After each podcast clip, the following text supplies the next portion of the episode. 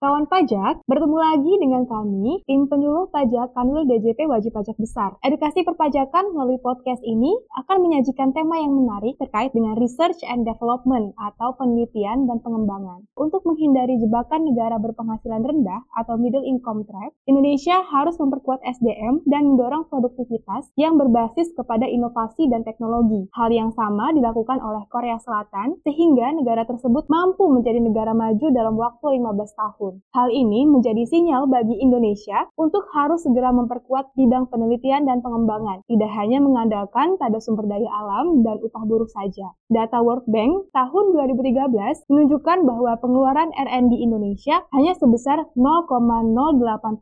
dari produk domestik bruto. Dengan terbitnya PMK nomor 153 PMK 010 2020 tentang pemberian pengurangan penghasilan bruto atas kegiatan penelitian dan pengembangan tertentu di Indonesia, materi-materi tersebut diantaranya mengenai subjek pajak, fasilitas, prosentase tambahan pengurang penghasilan bruto, ketentuan komersialisasi, ketentuan paten, dan hak perlindungan varietas tanaman atau hak PVT, pengajuan persetujuan pemanfaatan fasilitas, dan lain-lain.